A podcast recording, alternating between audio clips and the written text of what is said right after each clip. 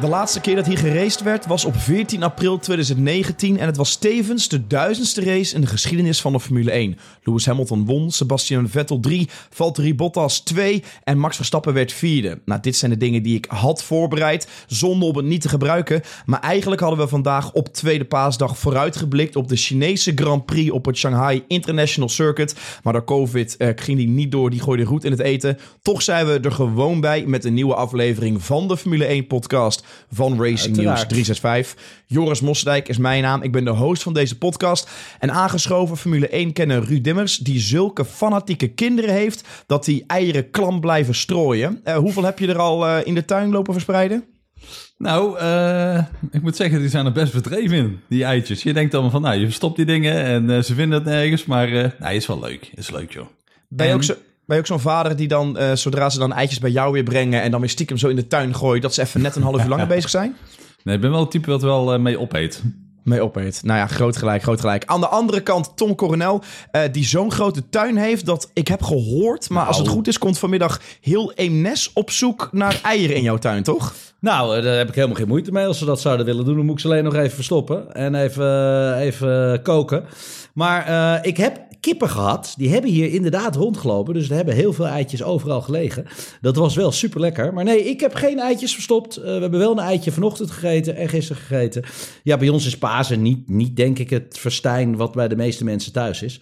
Omdat we meestal in de weekenden weg zijn. Maar dit is het eerste weekend dat we eigenlijk een beetje, een beetje thuis zijn. Mijn vrouw was weg met de paarden. Die is uh, gisteravond laat thuisgekomen. Uh, Rocco en ik die zijn veel aan het, aan het rijden geweest, een beetje opruimen geweest. Dus ja, dus nee, niet, niet zeg maar het feest zoals iedereen hem kent.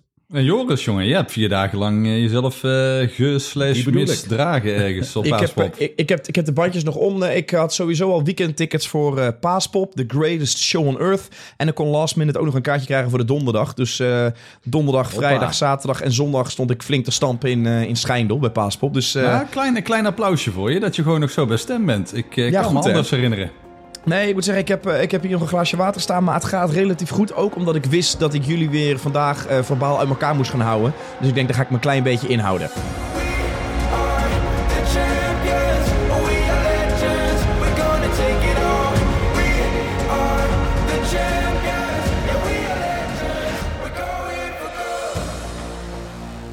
Er is helaas geen Formule 1 race. Dus geen virtueel rondje. Ja. Geen voorspellingen. Geen tijdschema's. Maar ja, eigenlijk gewoon een saai weekend als je een echte motorsportfan bent. Gelukkig voor ons gebeurt er genoeg in de mooiste sport ter wereld. Uh, we gaan alles weer een beetje behapbaar maken. Het nieuws van de afgelopen periode aan de hand van stellingen. En de eerste stelling die ik erin gooi. Yuki Tsunoda ligt op pole position om in 2025 de nieuwe teamgenoot van Verstappen te worden. Tom valt ja, bijna is... van zijn stoel af. Maar... Ja, nee, ik, ik denk die gozer, die, heeft echt, uh, die, die is nog steeds dronken van paaspop. Dat is, dit, dit kan toch niet waar zijn? Jij denkt dat dit water is? Nou, nee hoor. Vodka. Nee, nee, nee, jongens, dit, uh, dit, dit, dit kan niet. Je hebt het over een topteam. En dan zou ik eerder een Albon nemen dan een uh, Yuki. Uh, Yuki is natuurlijk heel belangrijk geweest, ook voor de Honda-deal. En ja, die zie ik in de toekomst daar niet, uh, niet zomaar naartoe gaan. Nee, dan uh, moet hij nog eventjes wat, wat slimmer, wat handiger en beter worden. Maar het zijn de woorden van jouw voormalig grote vriend slash manager Frans Toost. Echt? Ja. Wauw.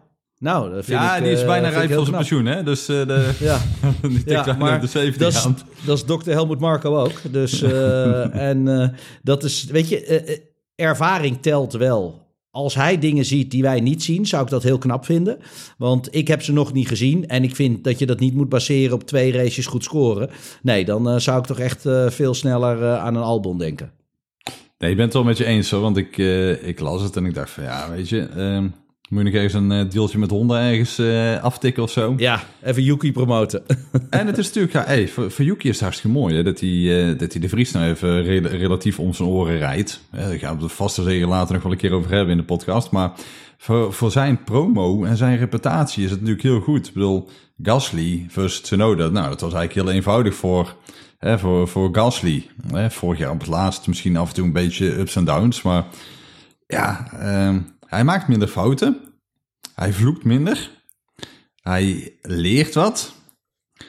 Alleen ja, je zou toch niet zeggen dat hij van hetzelfde niveau is als een Lando Norris of een Leclerc of een George Russell. En zo iemand zou je ooit als teamgenoot van Verstappen willen hebben. En, ja, nee, maar ik denk dat ik wel een hm. klein beetje weet waar het vandaan komt. Als jij heel hard roept dat eh Niek de Vries natuurlijk eh, eh, heel belangrijk is voor je team. En je ziet toch nog steeds dat Yuki ja, het gewoon beter doet. Ja, dan, dan zou je kunnen zeggen dat hij niet slecht is. Dat is misschien ook wel een beetje de fout die ze gemaakt hebben. Ze hebben Nick eigenlijk een beetje op een voetstuk gezet. Eh, dat is de man met ervaring. Dat is de man die eh, Formule 2 kampioen is. Hij heeft die ook ervaring, is ook Formule Formule 2 E kampioen. Ja, Maar je moet hem de tijd geven, Rut. Je moet hem de tijd geven. maar in de Formule 1 heeft hij, had hij één race gereden.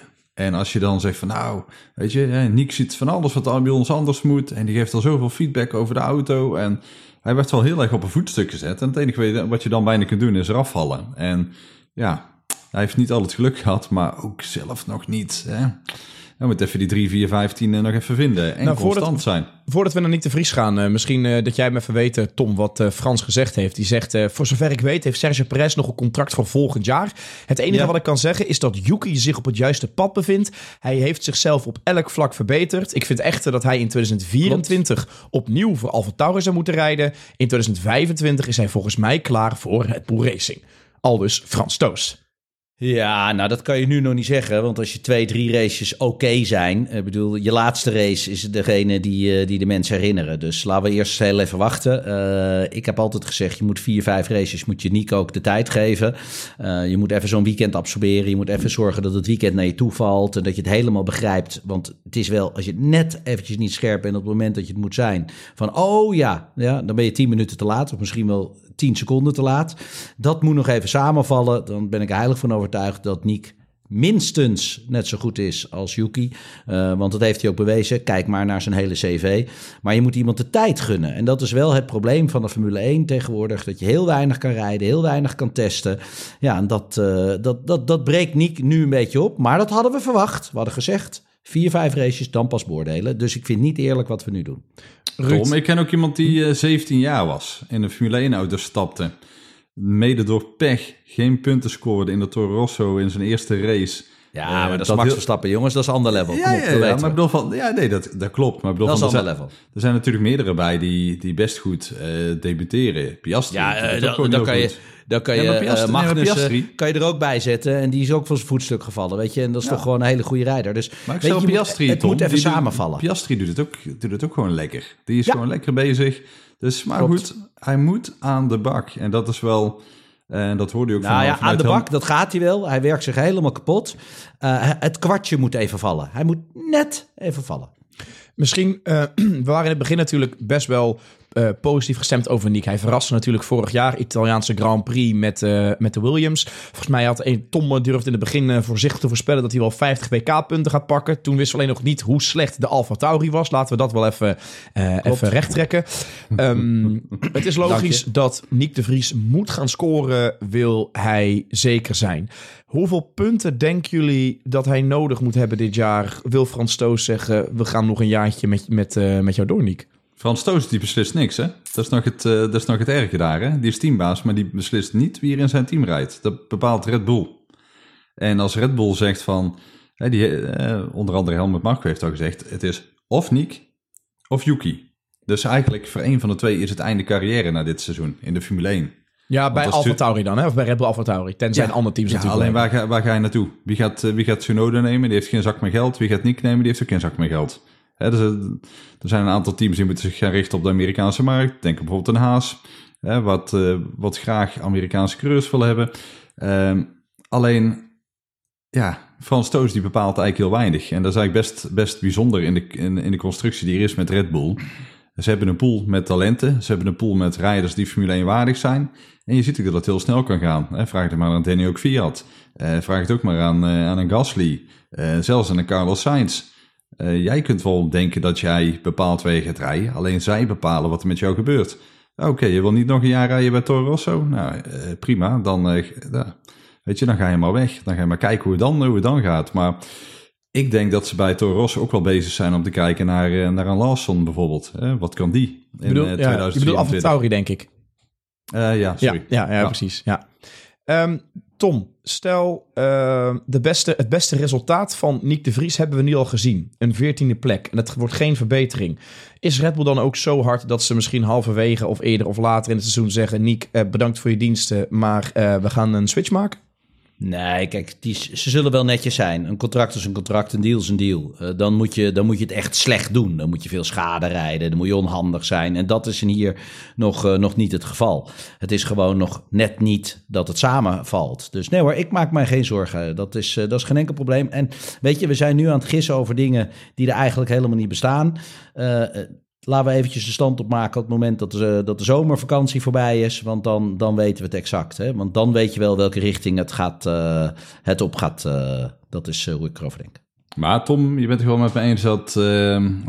Natuurlijk, de eerste races waren moeilijk voor hem. Maar circuit het niet kende. Hij was er nooit in Australië geweest. Ja, um, ook verwacht. Nou, ja, nou, verwacht. ja, maar nou zijn als het ware wel zeg maar, de excuses op. Hè? Nou ja, moet het wel klopt. gaan gebeuren. En je komt nou op de je wel kent...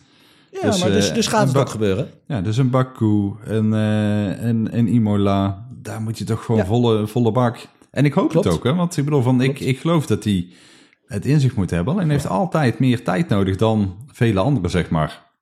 Alleen ja, Marco die was een beetje aan het, aan het mopperen. Hè? Dat, die, die, die, die laat het op zijn manier ja, merken dan. Marco zegt gewoon wat hij denkt. En, en die spreekt met zijn gevoel, uh, zoals ze meerdere doen. Uh, en dat doet hij heel goed. Maar dat betekent dus als hij het heel goed doet, dat het gevoel ook heel goed is. En dat hij heel snel weer de andere kant op valt. Wij gaan naar de volgende stelling. Ik schat de kans 50-50 dat Lewis Hamilton een wereldtitel kwijtraakt. Nee. nee. Kan je nooit meer terugdraaien dit.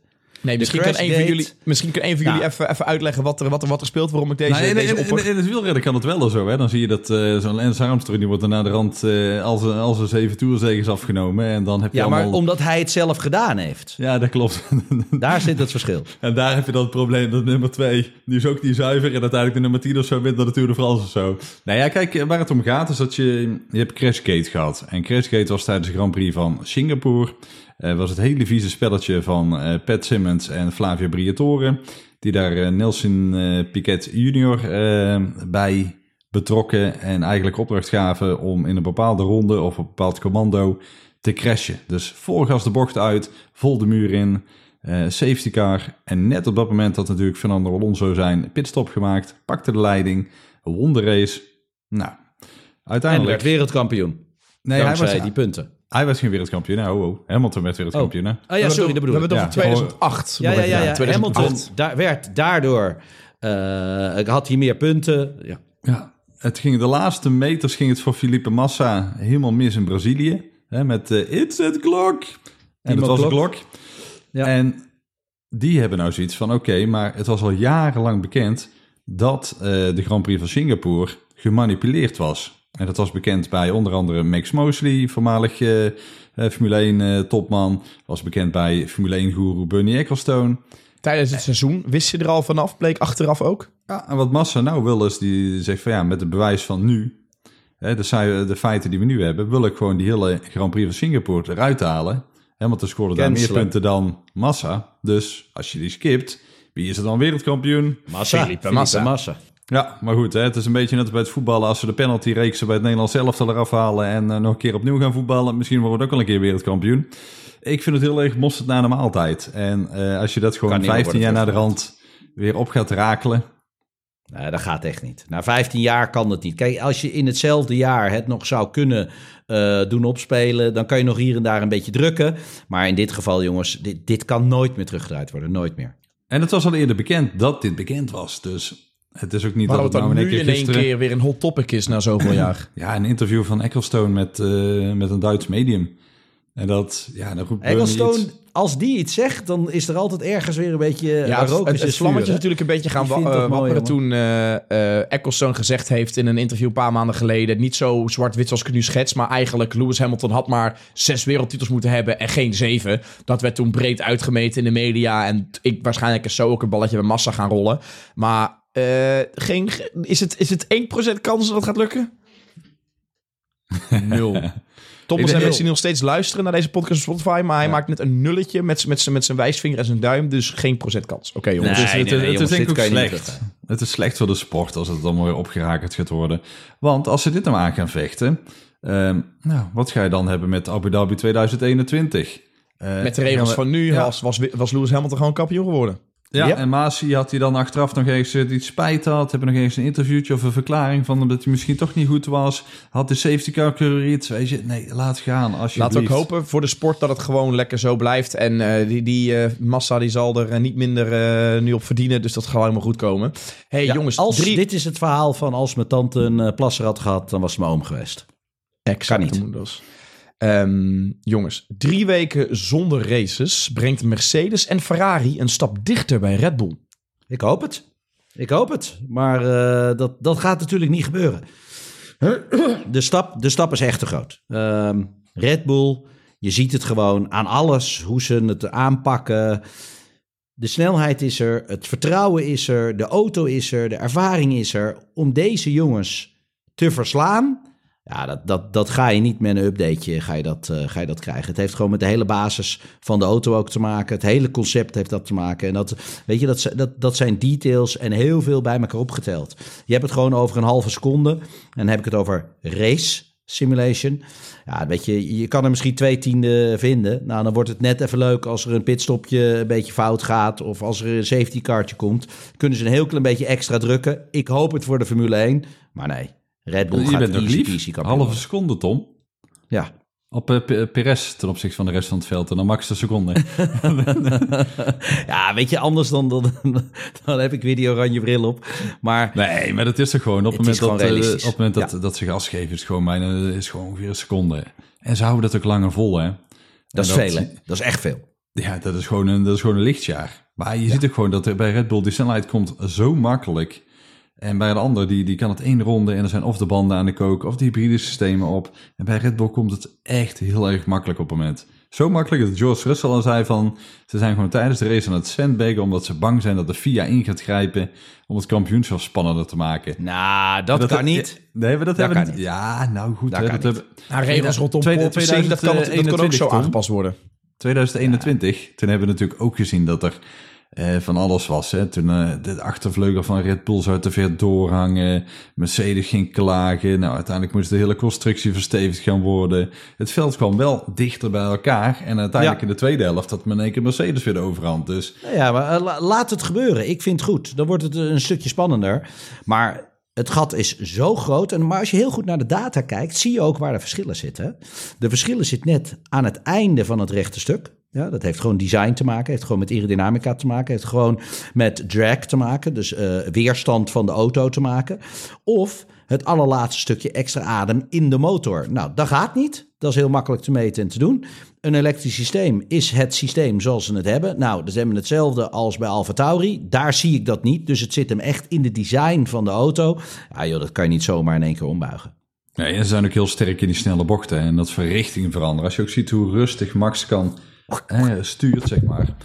En daarbij, kijk, je zit tegenwoordig op internet heel veel eh, statistiekjes. En dat is heel mooi. Ik vind alle grafieken vind ik prachtig. Alleen er wordt bijvoorbeeld de snelste raceronde van iemand vergeleken met de snelste raceronde van iemand anders. En dan denk ik, ja, weet je, dat is één rondje. Pak nou eens tien ronden. En ga dan eens kijken hoe Max heel constant kan rijden. En als het moet, die versnelling dan. Oh, gaat iemand anders achter mij sneller? Ik ga nog even twee keer zo snel, weet je. En daar zitten die verschillen in. Was er ook vorig jaar Mexico of zo dat Verstappen gewoon, er zitten 40 rondes gewoon binnen twee tienden van een seconde continu eh, wist te rijden de hele, de hele race rang. Dat heb ik een allemaal zo'n controle. zo leuke post over gemaakt. Dat was gewoon, dat was gewoon eigenlijk als een computer. En dat is gewoon, ja, gewoon bijna niet te doen. Weet je, dat... Maar eh, ik hoop dat Toto Wolff eh, met al zijn optimisme toch een beetje gelijk gaat krijgen dat ze iets vinden. En dat ze Ja. Een grotere stap kunnen maken dan Red Bull. Bedoel, Als je een stapje maakt, je wint twee tienden. Ja, iedereen komt in Baku, iedereen komt in eh, Imola met Maar updates. iedereen wint wat, hè? Daarom. Dus ehm, ik geloof dat Al, Alpine nou gezegd had dat ze 16e gingen winnen tijdens het seizoen met hun updates of tijdens, voor de zomerstop. Dat kan. Staan ze er goed Wat bij. hebben, ze dan, wat, wat hebben ze dan de winter gedaan? Dan denk ik, als je zoveel vindt, ja, dan heb je iets volledig verkeerd gedaan in de laatste half jaar. Nee, maar door die crashes in eh, Australië hebben ze wat gewicht van die auto's afgehaald. Dus ik denk dat hij nu wat lichter is, waardoor die even net wat, eh, net wat beter gaat. Ja, op drie wielen ga je harder, hè? Ja.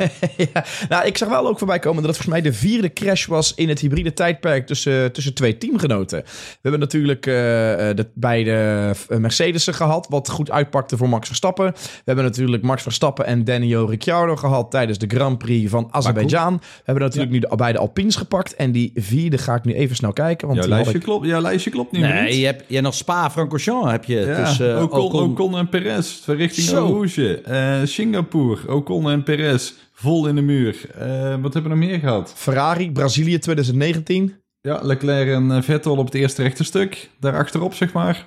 Ja. Nee, er zijn, er zijn nog wel meer. Eh Magnussen, eh, nee, even kijken, wie was het? Eh, Tsunoda, die vorig jaar Gasly in de ronde tikte op. Silverstone uit mijn hoofd. Ferrari 2017, Singapore. Moet ook niet Ja. vergeten. De Verstappen Ja, oké, sandwich. maar dat was de Verstappen sandwich. Dat was Ja. niet hun twee. Nee, Ja. er, zijn, er, zijn, er, zijn er, er zijn er best wel wat. En dat is volgens mij ook als teambaas zijnde het moment waarop je gewoon die koptelefoon naar die hele pitbox wil gooien. En ja, Gunther Steiner heeft natuurlijk ook gezegd, hè, met, eh, met Magnussen heb je dat gehad en, eh, en Grosjean. Netflix heeft natuurlijk helemaal uitgemeten dat het zo verschrikkelijk wat was. Die hebben volgens mij elkaar op Silverstone toen nog geraakt. Was het weekend waarin alles helemaal misging. Dat Grosjean nog in de pitstraat eh crashte tijdens de vrije training. Oh, dat was die, eh, dat was die, eh, die deur die hij eruit trok in de hospitality unit, toch? Ja. Ja, ja maar dat... nou ja, je, je, je, Tom, heb jij ooit met jouw teamgenoot een crashje gehad?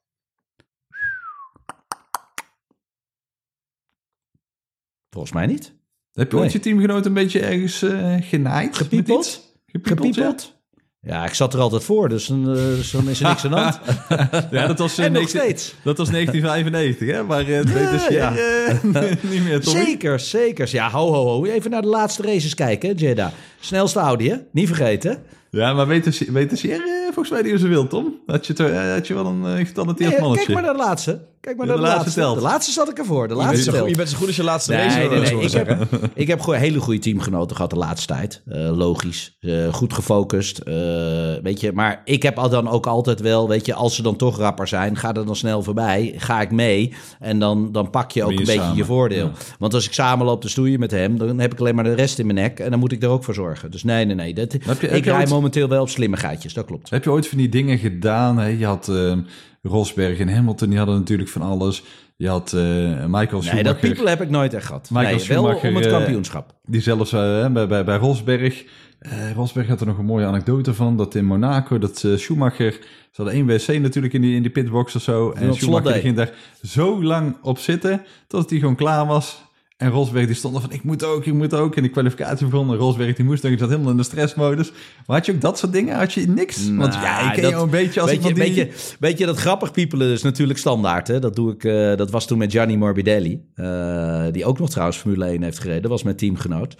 En die, die, ja, die, die jongen, dat is echt niet normaal. Die had tussen zijn t-shirt had hij, had papiertjes liggen. En die had dan een banaan liggen. En dan zijn sportdrankje had hij ernaast. En zijn eigen helmdroger. En dan kwam ik eh, de auto uit. Pakte ik mijn sweaty eh, eh, helm op zijn helmdroger. Nou, die gozer heeft smetvrees, is echt niet te geloven. Ik nam een hap van zijn banaan, zijn sportdrankje en zijn, eh, zijn t-shirts. Die husselde ik even zo door elkaar. Zo van, hoezo? De, de t-shirt blijft er gewoon een t-shirt. Wat maakt dat nou uit? Of het nou een propje is of zo netjes is opgevouwen, helemaal gestreken met, met echt... Wat gewoon- ben jij een gewoon- eikel? Ja, ja, die gozer werd gek. Die begon te schreeuwen in de trailer. Ja, en ik had alleen maar zoiets van... joh, loop niet zo te zeuren. Daar ligt ook een banaan, daar liggen ook sportdrankjes... en anders drink je gewoon water. Ja, die werd echt helemaal gek voor mij. Die, die piepelde Maar- ik wel een beetje. Hebben ze bij jou ook iets teruggedaan ooit, Tom? Nog nooit. Nee, echt niet. Echt niet. Nou, die vragen dat op je kont is het ergste dus. Ja, dat, dat was een andere. Dat, dat, dat was een weddenschap. Jongens, we gaan even, we gaan even door met, met Formule 1. We hebben eh, net behandeld. Eh, we hopen dat Mercedes en Ferrari een stap gaan zetten. Eh, de Ja. kans zit erin dat misschien Red Bull nog terugcountert met een nog grotere stap. Dat weten we niet. Laten we nog even één team behandelen die er gewoon goed bij staat. Tweede in het kampioenschap. Wat gaat Aston Martin eh, eh, kunnen doen, denken jullie, in uh, eerstvolgende race Baku? Zitten die Zes erbij? verschillende upgrades komende races, geloof ik. Maar goed, wat Ja. een upgrade, hè? Want een upgrade... één één vingertje net iets anders. één endplateje net iets anders. Noemen we dat een upgrade of niet? Ik noem een upgrade als je half auto verbouwt eigenlijk. Ja, nou, ik denk een upgrade ja. is denk ik een permanente verbetering aan je auto. Want er zijn natuurlijk teams die een andere voorvleugel of iets meenemen voor een bepaald circuit. Maar dat is niet per se echt een upgrade. Een upgrade moet wel Nou, iets permanents dat- op je auto zijn. Kijk, kijk, nou ja, dat vind ik. Dan kom je echt met iets anders. Hè? Ja. Als je met een andere voorvleugel komt. Kijk, eh, een upgrade is natuurlijk al een setup verandering, want je bent iets aan het verbeteren. Maar het moet echt significant zo groot zijn dat het ook echt merkbaar is ten opzichte van de rest. Ik vind je moet met een upgrade komen die groter en beter is dan al je andere conculega's, want dan heeft het pas echt zin. Want anders ben je gewoon samen omhoog aan het groeien. Allemaal ga je harder en dan blijft alles hetzelfde. En dat schiet natuurlijk niet op. Eh, bij Alfa Tauri verwacht ik wel een hele grote upgrade, want ja, dat ding dat zit echt achteraan te lummelen. Maar het zou mooi zijn als, als Ferrari, weet je, zo'n type merk met een Leclerc eindelijk is wat kan doen. Want vorig jaar, aan het begin van het jaar, zaten ze natuurlijk heel goed bij. En ze lopen nu natuurlijk een beetje, een beetje te lummelen. Maar bij Ferrari gaat niet meer komen. Vergeet dit seizoen maar. Heel jammer. Wat een. En Aston Martin, jouw vraag? Ja, Ja, ik denk dat Aston Martin, oh, dat had ik al voorspeld, een beetje langzaam gewoon wat terug gaat. De- ja de- en dat Mercedes net eventjes wat omhoog komt. Ja, Als het seizoen spannend eh, moet worden, dan moet het echt van Mercedes komen. Dan Klopt. moet daar iets gaan gebeuren. En dan moeten ze ook eh, het het bewijs leveren dat ze wel een base-pack kunnen lanceren. Eh, Horner en bij eigenlijk niemand op de grid die gelooft erin. Maar goed, vroeger had je eh eerste races ver weg buiten Europa. Dan kwam je op Barcelona. En dan hadden sommige teams in één keer een compleet andere auto bij. Dat dacht Ja. van, huh, wat? Nou, zoiets hebben ze zoals eigenlijk een nodig. Mercedes vaak, hè? Ja, maar ja, Red Bull was vaak toch degene die het, het hardste doorontwikkelde. Dus ja, ik ben benieuwd. Maar Baku, ehm, ja, dat is echt op het lijf geschreven van Red Bull. Dat is eigenlijk al eh, de afgelopen jaren al. Ehm ja, na snelste Ferrari straatcircuit, reed volgens ik? mij eh, vorig jaar 1 en 2. En dan gingen alle twee de motoren stukken. ja, Wacht even, eh, Ferrari Max- reed gewoon op kop, hè? Ja, Leclerc reed op kop voor eh, Verstappen en Perez. Maar Verstappen had al Volgens gestopt. mij had Perez, Perez had toch de quali, eh, dan Max. En die gingen toen vandoor op zijn banden. Dan gingen zijn banden stuk. En volgens mij pakte Ferrari toen tot de leiding. Of ben ik nu eventjes... Ja, Leclerc had op een gegeven moment de leiding eh, Ja. in handen. Alleen toen had Max al gestopt. Toen was hij lekker snel onderweg. Toen moest eigenlijk Leclerc gaan stoppen. Klopt. Was het Ja. misschien wel wat close geweest. En toen ging die toch, hè, dat Italiaanse torretje weer kapot. Plofte de motor. Ja. Alleen, het is wel echt een baantje waarop, waarop ik ja, Red Bull op eenzame hoogte zie. Ja, en het was wat je inderdaad zegt, eh, pole position Leclerc, 2 was Perez en 3 was Verstappen en 4 Sainz inderdaad. En toen was het volgens mij wel nog heel even dat inderdaad eh, Leclerc uitviel. Toen had Perez de leiding en die dacht zo, die gaan we eens even vasthouden. Nou, aan volgens mij met banden. gemak ging hij er vol voorbij. En weten jullie nog, kijk of ik hem zo zou kunnen zien, wat de voorsprong was van Verstappen op nummertje 2 Sergio Perez? Ik denk een seconde of twintig. Zeker. 20,8 seconden op Sergio Perez. Daarachter George Russell 46 seconden. En Lewis Hamilton had hij op 1 minuut 11 gezet.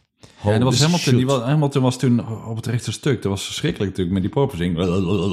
Ja, en die stapte uit zijn auto alsof hij ongeveer een rughernia Oh ja, had dat, gekregen. dat oude mannetje was het toen, ja. Hij was het ja, oude en, de, mannetje. en de race daarna, niks meer aan de hand, hè? Helemaal niks meer, hè? Want toen de FIA ging toen ingrijpen, dat was geloof ik richting Spa. En in één keer eh, deed hij net alsof er Silverstone, helemaal niks aan de hand was. Dat had je Angela nog hè, als, eh, tra- Ja. als trainer. Hè? Dus, Dan zei die kon even goed losmasseren. Angela Cullen. Eh, ik heb nog één stelling voordat we naar de Racing News vragenronde gaan. Dat is namelijk... Ferrari is met al haar chaos en problemen... al lang niet meer dat roemruchtige team... waar iedere coureur voor wil rijden. Helaas, inderdaad. Helaas. Maar het is nog steeds het ultieme team waar je kan afsluiten. Want dan ben je pas als Formule 1-coureur ben je succesvol geweest. hè. Eh, Zo'n Lewis, die nu zeven keer wereldkampioen is geweest bij Mercedes. Als hij het niet meer ziet gebeuren, ja, dan kom op. Iedereen sluit af bij Ferrari. En Ferrari neemt ook altijd de, de ex-wereldkampioenen die net aan, het, aan, het, aan het downhill eh, traject zijn begonnen. Hè? Kijk naar een Vettel, kijk naar een Prost. Kijk, jongens, en, en zo zijn er nog heel veel. Maar je moet een keer dat rode pak hebben aangehad. Echt. Als jongetje, als jij begint als autocoureur met karten en noem het allemaal op. Jongens, dit is Ferrari. Ferrari. Dat is echt de wens van iedere autocoureur. En als Max Verstappen nou 2028 afsluit met zes wereldtitels en afzwaait bij Red Bull. Ja, dan zou ik er doodziek van zijn. Ja, want weet je, dat, maar dan weet ik ook zeker dat hij nog steeds van baalt. Want een keer dat rode pak aan hebben, dat is toch wel iets magisch. Het, het, weet je, het paardje zo voor op jouw auto. Jij, Ferrari. Dat is, dat is, geloof mij, dat, hier, ik voel het gewoon. Dit Ja, dat weet vet. ik, dat weet ik. Maar daarom heb ik op jouw kont getatoeëerd. Hè? Dat is altijd een beetje Ferrari bij jou. Je hoeft er niet op terug te komen. Tom, wat gaat er gebeuren als jij de pushmelding binnenkrijgt... of je krijgt een eh, DM'tje van Max Verstappen die zegt... Tom, moet je luisteren, ik ga volgend jaar naar Ferrari. Dan zou ik zeggen, eh, nou, volgend jaar niet, want dat moet je niet doen. Want Ja, nee, volgend jaar als in na- 2029. Als hij, dus, nou ja, kijk, als de nee, dus Red stel- Bull niet meer snel genoeg is en je moet dan toch kiezen, ja, dan moet je voor Ferrari gaan. Jawel, kom op. Dat is, dat, is, dat is een automerk. Red Bull is een blikjesmerk. Dat is heel iets anders. Dus als, wat, gaat ja. er door Coronel heen als, hij, als Max jou over vijf jaar appt... hey, ik ga nog even een jaartje afsluiten bij Ferrari. Dan is het een echte autocoureur die hem afsluit, bucketlist dingetje. Want die hoort op je bucketlist te staan. Echt. Maar weet je, kijk, als Max, eh, dan is hij 31, hè? Nou en? Nee, maar ik bedoel van, Dan ben je Dat- nog hartstikke jong. dat, dat wou ik net zeggen. Hij is pas 31 dan. Ja, Misschien heeft hij wel zes wereldtitels, wie weet. Hij kan nog steeds gaan bouwen aan zelfs het Ferrari van de toekomst. Eh, juist. Zoals Schumacher dat hij gedaan dat- heeft. ja, op het moment dat hij dat drie, vier jaar nog kan rijden, dan is hij nog steeds pas 35. Kijk naar Hamilton, kijk naar Alonso. De vraag is alleen, hè, wil hij dat of niet? En ik denk dat die vraag misschien in, eh, nog 26 keer, of het antwoord op die vraag nog 26 keer gaat veranderen. Ik bedoel, hij is pas 25. Hè, er zijn er wel meer die gezegd hebben, ja, ik ga niet zo lang door. Alleen volgens mij is winnen is ook gewoon een soort verslaving. Hè? Dan maak je stofjes aan in je hersenen en dan denk je, oh, ik kan de grootste worden, ik kan de beste. Ik kan misschien wel acht wereldtitels, misschien wel tien. Ik kan misschien wel eh, duizend, eh, duizend miljoen, een miljard op de bank hebben staan. Ik kan wel, weet ik veel wat. Hè, er zijn altijd Hey. doelen. En wat ik knap vind is, weet je, als je het dan ook net niet redt, dan krijgen we weer die felheid van Max. Weet je, je dashboard eruit vreten. Die, die, die, die trucjes die je op de baan dan moet toepassen om te winnen, omdat je auto niet snel genoeg is. Ah jongens, dat is toch, dat is toch wat we willen zien. We willen hem toch niet zien verdwijnen aan de horizon en die race makkelijk winnen. Nee, Ah, helemaal Ja, niet. ja, ik, ik kan er nu al van genieten, echt. Wij gaan naar de Racing News vragenronde. Oh, eh, Je- mag ik? Joris, Joris. Kijk, Ja? als jij de baas zou zijn van Ferrari, ja? wie wil je dan hebben? Wie wil je hebben? de beste, lijkt mij. Nou, en dat is Max nou. Verstappen. Nou, dus, dus is het redelijk duidelijk. Ik zou een blanco cheque aan Max geven. Vul er maar in eh, wat, je, wat jij het waard vindt. Eh, wij, gaan, wij gaan mee. Ja, ik denk zelfs dat de beurswaarde omhoog gaat van Ferrari het momentje dat je Max Verstappen tekent. Oh, dat weet ik wel zeker. Dan is even een aandeeltje Ferrari kopen inderdaad. Maar dit is dus wat ik bedoel. Dus hij kan ook vragen wat hij wil. Ja, en, eh, en hij zou het graag willen.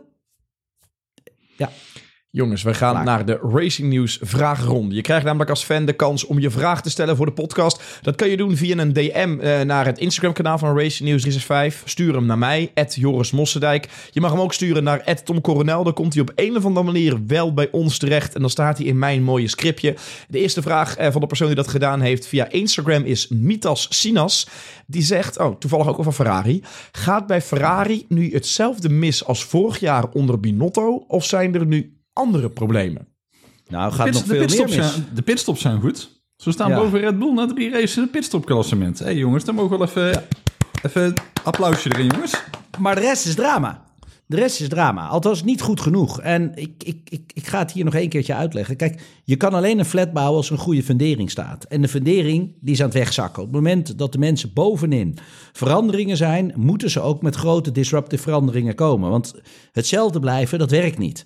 Dus eh, ja, ik zelf vond dat Binotto het hartstikke goed deed. Eh, en dat meen ik echt. Vorig jaar werden ze tweede in het wereldkampioenschap. Begin van het seizoen waren ze ver uit de sterkste. Dus ik vind dat hij het helemaal niet slecht gedaan heeft. Zoals de Ferrari er nu ook voor staat, dat dat, dat komt ook uit de winterperiode die laatst geweest is. Veel storm, veel herrie in de toko, grote veranderingen. En daarom scoren ze niet.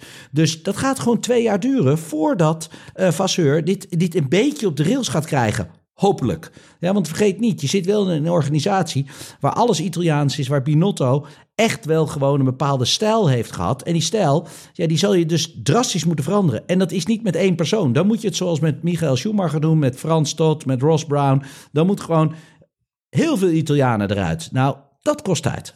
Ja, maar kijk, en het, eh, wat, je, wat je al zegt, Tom. Kijk, Binotto, die, je bent uiteindelijk ben je eindverantwoordelijk. Alleen, je kunt niet alles in één dag gaan veranderen. En ze hadden het beste seizoenstart. Eh, ja, ze hebben veel problemen gehad. Alleen, ze moesten ook risico nemen om bij te komen. Want ze reden de jaren ervoor ook gewoon van spek en bonen mee. Ik bedoel, 2017, 2018 was het nog hè, veelbelovend. had Vettel in theorie een wereldtitel kunnen winnen. Hè, dat is zeker in 2017 toen. Maar de combinatie van fouten, van technische probleempjes... ten opzichte van de bulletproof Hamilton in zijn Mercedes... dat was gewoon net te weinig. Alleen, ja, als je kijkt naar vorig jaar... ja, ze hadden technische problemen. Die hebben ze nog steeds. Uh, Vasseur kan ook niet toveren. Het feit dat ze nou snelle pitstops hebben... is niet omdat Vasseur tegen de jongens gezegd heeft van... hey, die wielen moeten erop binnen 2,2 seconden. Hey, er zit een heel proces achter... En dat is ook Binotto en zijn mensen zijn er ook mee bezig geweest. En ja, je kunt niet nou van, van Vasseur wonderen verwachten.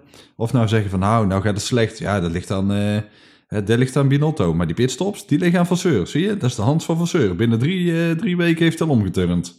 En ik, had, ik vind het jammer. Ik vond Binotto een, ja, een leuke persoonlijkheid. Was gewoon, hij oogde altijd als een lieve, sociaal betrokken man. Die wel stond voor zijn, eh, voor zijn team. Vasseur vind ik wat meer ja, wat afstandelijker ogen. Maar ja, iedere keer blijven wisselen. Dat is hetzelfde bij het voetbal. Als je hè, vijf wedstrijden wint, dan ben je gewoon ja, de held. En dan zie je vaak een beetje van die ploegen die in, in, in de middenmoot strijden of zo. En dan hebben ze in één keer tien wedstrijden op rij. Dan winnen ze er twee. Ja, de trainer moet eruit. Ja, hoezo? Weet die trainer het niet meer? Kunnen de jongens in één keer niet meer voetballen? Of heb je af en toe ook gewoon een mindere periode en een beetje pech? En bij Ferrari hebben ze al heel lang een mindere periode eigenlijk sinds Schumacher weg is. Ja, ja dat is een beetje het risico natuurlijk ook als voetbalmanager. Je wordt natuurlijk wel voor iemand moet verantwoordelijk gehouden worden. En dat is natuurlijk hetgene wat je bent als voetbalmanager of als teambaas bij een team. Terwijl jij zit niet achter het stuur. Jij beheert niet de wheelgun. Uh, jij geeft niet, fluistert niet uh, Leclerc dingen in. Dat is natuurlijk een beetje kunt, het, je kunt zeggen van jongens, we hebben een drie jaren plan. En we staan nou hier. En we zijn tevreden met hoe het gaat. En we willen die stappen gaan maken. En over drie jaar dan moet de kampioen worden. Alleen die tijd is er bij Ferrari nooit. Waardoor het ook elke keer ja, wisseling van de wacht is. Uh, je zult vast wel een lijstje op, uh, inmiddels opgesnokt hebben met de laatste vijf teambazen van Ferrari en hoe lang ze er gezeten hebben en wie nou echt succesvol waren.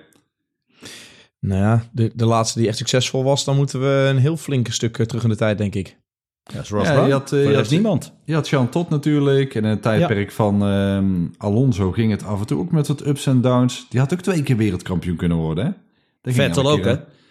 Ja, Vettel die pakte ze wel toen. Of ja, oh, sorry. Nee, ik dacht je bedoelde van Vettel in de Red Bull versus Londen in, in de Ferrari. Oh, ja, dat viel elke keer net de andere kant op. Ik bedoel, uh, vraag even aan Alonso uh, het nummer van, Vita, van Vitaly Petrov.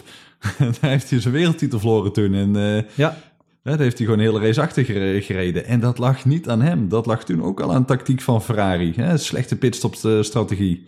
Dus ik bedoel, het zit altijd een beetje erin. Alleen ja, wat dan gaat een keer ja, de goede kant op. Ik denk als Coronel en Dimmers daar gaan zitten. Wij als uh, nou, strategen en... Nou, uh... nou, nou, nou. Ik, ik doe alles met te veel emotie, hè. Dus uh, bij mij spreekt ja, die, die hebben we nodig. Doe ik, doe ik de strategie, Tom? Oké. Okay. Marnix Wiggink, die zegt... Denken jullie dat de Formule 1 binnen de komende jaren te veel om de show gaat? Nee. Sport blijft sport. Kijk, op het moment dat het licht uitgaat tot aan de finish... moeten ze er toch voor vechten en toch voor bijten. En heeft iedereen natuurlijk gelijke kansen. Ja, weet je, dat ze af en toe safety car erin gooien, dat een uh, boterhamzakje de baan op vliegt. Weet je, het, het zal dan wel. Maar uiteindelijk, de, de, de vechtplus, de strijd, ja, die zal er altijd zijn. Dat, dat gaat niet veranderen, want, want het reglement is het reglement. Ze moeten alleen niet te veel gaan veranderen. dat je zegt van nou, je moet het eerste deel van de kwalificatie op harde banden rijden. En de tweede deel op medium en de derde deel op soft. En denk je, jongens, waar ben je dan mee bezig? De ja, en natuurlijk denk ik ook de venues waar je gaat rijden. Als je kijkt natuurlijk Miami, dat is natuurlijk één groot ongelofelijk circus... waar sommige mensen het, het de buiten nog leuker vonden ja, dan, uh, de dan baan de blijft nog steeds de baan, Joris. Weet je, dat, dat is voor iedereen nog steeds hetzelfde. En dan kan je wel zeggen, ja, maar het is stoffig, het is hobbelig. Dat is voor iedereen hetzelfde. Ik heb op circuits gereden, joh. Dan gingen we naar Puebla toe. Daar was het asfalt een week daarvoor neergelegd. Dan gingen we rijden, vloog gewoon het asfalt, vloog er gewoon vanaf. Dus we reden gewoon op knikkers. Dat was één grote driftshow. Ja, maar voor iedereen was het hetzelfde. Dus iedereen liep wel te mopperen. Maar ja, het is hetzelfde als er een stortbui naar beneden komt. Als, die is ook glad voor iedereen. Weet je, dus zolang de kansen voor iedereen hetzelfde zijn, blijf je die, die, die, die bite, dat, dat vechtersinstinct bij al die coureurs wel houden. Want ze willen allemaal winnen. Daar, daar hoef je geen zorgen ja, maken. Maar daar, daar maak ik me niet zoveel zorgen om. Alleen wel van dat je, je moet wel die connectie blijven houden met de fans. En het is hartstikke leuk Las Vegas. Uh, maar een normale sterveling, die kan er niet naartoe. Het is zo duur. Het is helemaal uit de marktprijs. Ja, maar Hetzelfde niet iedereen gaat er naartoe. Nee, maar uh, Ruud, wat maakt het nou uit? Ik zeg altijd, je moet één keer per jaar moet je naar een Formule 1 race. De rest moet je gewoon lekker achter de tv gaan kijken. En vergeet niet dat zowel Miami als Las Vegas op tv er schitterend uitziet. De kaartjes zijn uitverkocht. Ja, het is vraag en aanbod. Er wordt heel veel voor betaald. Dus schijnbaar willen de mensen er naartoe. Ja, nou, dat is dan toch zo. Dat maakt dan toch helemaal niet uit. Ja, maar je hebt uiteindelijk wel ook de gewone man nodig. Hè? Ik bedoel, kijk naar Australië, is het 450.000 man in een heel weekend. Ehm, kijk, in Nederland hebben de tribunes ook nog vol. Ehm, met ook ticketprijzen die al best stevig zijn. Maar ja, anders kan het feestje niet betaald worden. En daar zit wel een soort van het. wisselwerking in. Hè? Op het moment dat ehm, bepaalde steden komen die misschien wel 100 miljoen startgeld per jaar neerleggen. om andere ja, klassieke circuits van die kalender af te krijgen. Het is gewoon zonde als dadelijk weer Spa eh halve bak erbij is of niet erbij is. Ja. Spa, Spa kan het nooit uit. Maar Spa vraagt wel gewoon normale ticketprijzen. Dus het 100.000 man op de zondag. Maar daar kan dan toch gewoon een gewone man naartoe? Oostenrijk. Nee, want die gaan dadelijk weg. Die gaan, daar, die, gaan, die, die gaan op termijn gewoon een keer weg. Want er wordt... Daar komen altijd andere circuits voor terug die niet gevuld zijn. Ik, ja, ik ga op naar Abu Dhabi en het is heel makkelijk. Er is daar plek zat. Kaartjes zijn daar gewoon normale prijzen. Het is vette races. Het is gaaf om te zien. Dus, dus waarom moet ik naar Las Vegas? Ik wil niet eens naar Las Vegas. Ik zou niet weten wat ik daar moet doen. Vergeet alleen wel niet dat je de Abu Dhabi nog een vliegticket van 400 tot 600 euro aan je broek hebt Ja, je hangen. bent ongeveer natuurlijk. eh, 1600, 1800 euro kwijt. voor maar je bent wel een heel weekend ben je op pad en je hebt echt een heel vet weekend. Echt waar. Eh, Ruud, misschien is de volgende vraag dan voor jou een inkoppertje. Want die was Denzel Jonathan. Die zegt, als jullie één ding zouden mogen veranderen aan de Formule 1, wat zou dat dan zijn? In de breedste zin van het woord. DRS. En niet dat DRS helemaal moet verdwijnen. Alleen eh, DRS, waarin een inhaalactie lijkt alsof je op de linkerbaan van de A2 eh, iemand inhaalt, daar heb ik niks mee. Weet je, 30 km per uur snelheidsverschil. Nee, laat het dan maar 10 zijn. En laat het dan maar zijn dat je beide met blokkerende wielen aankomt bij die bocht. En dat je dat heroïsche gevecht ziet, dat je nog een beetje kunt verdedigen. Het heeft nou niks meer te maken met inhalen. En je kunt ook niet meer verdedigen. Dus ja, het is meer zo van, nou, de, degene die achter je zit, die kan je lekker inhalen. En hebben we voor de statistiek hebben een inhalactie bij. Ik wil niet meer inhalactie zien, ik wil betere inhalactie zien.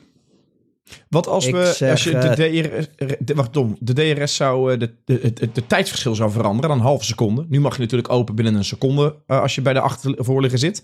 Als je dat zou veranderen aan een halve seconde, wordt het dan al Lukt spannender? niet. Werkt het niet. Je, moet- je, je kan er niet zo dicht ja. achterrijden.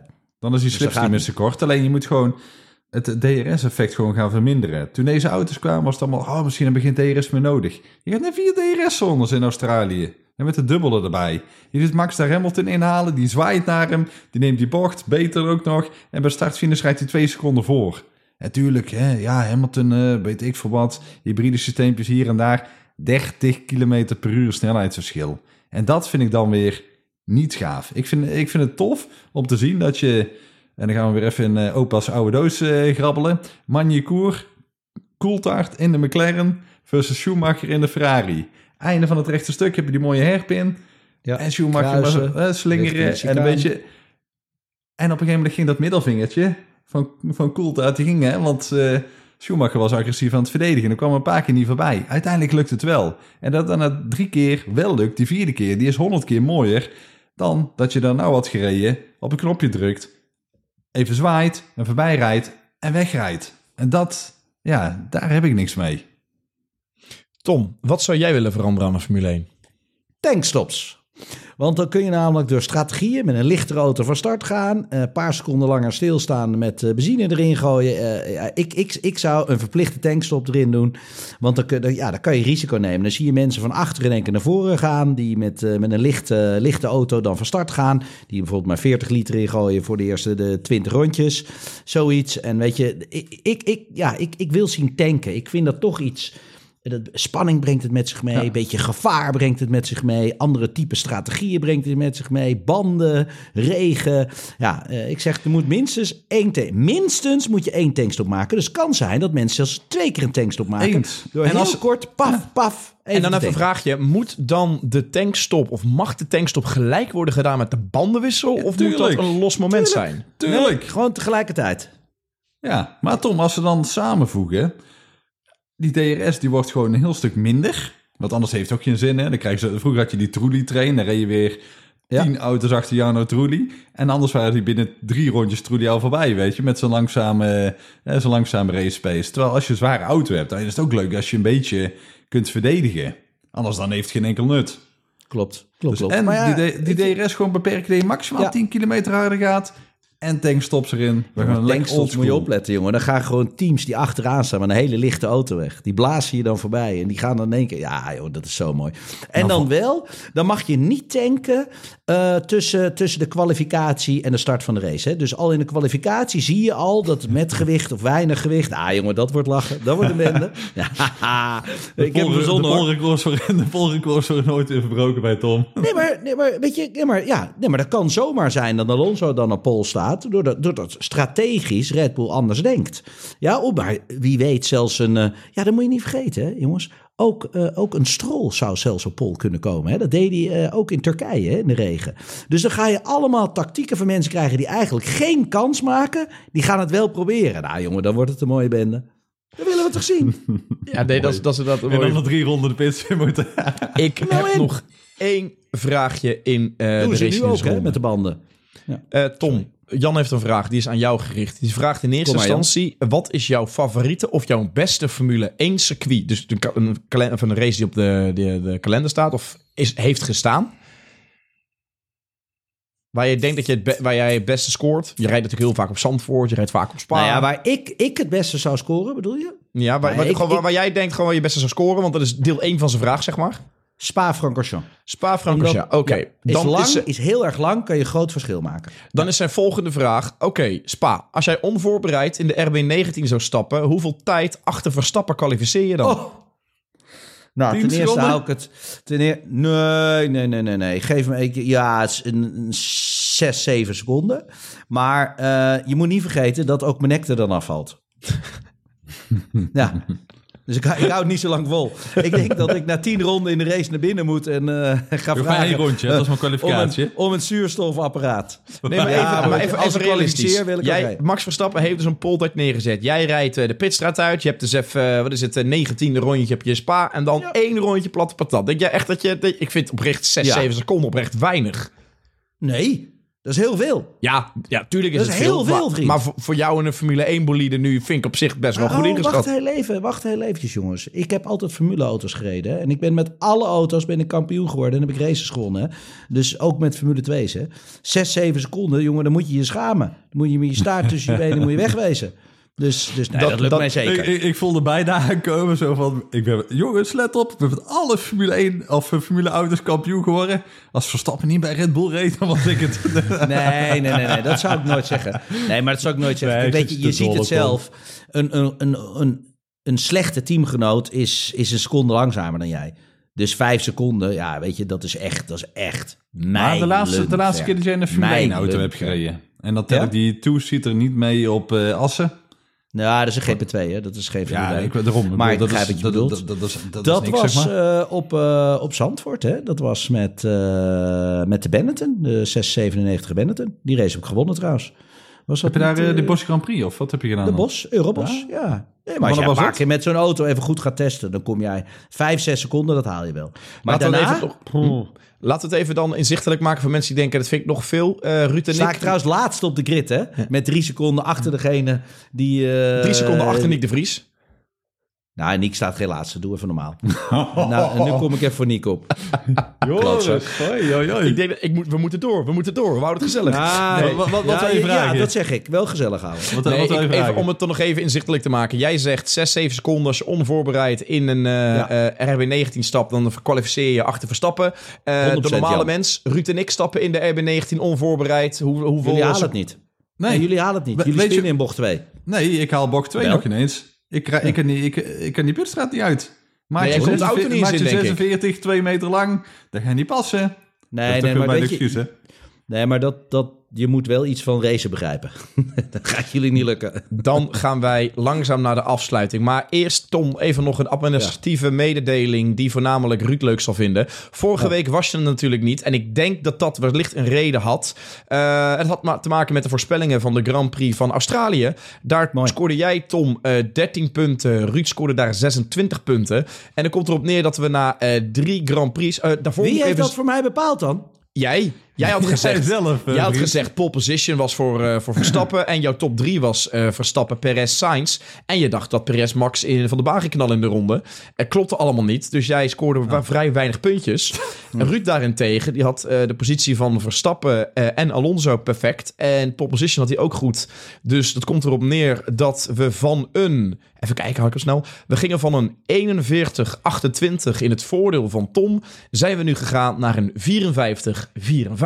Het is gelijk tussen Tom en tussen Ruud.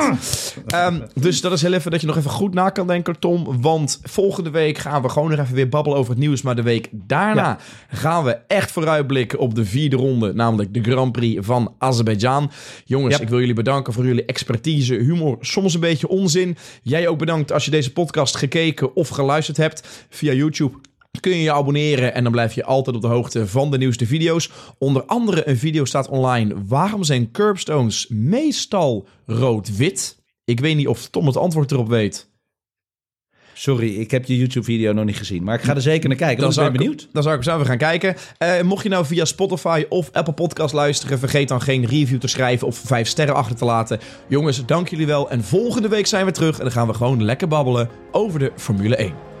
Zo is Mannen, het. was gezellig. Doei, doei. En een beetje onzin hoort erbij. Ik ga weer door op de grasmaaier. Laters.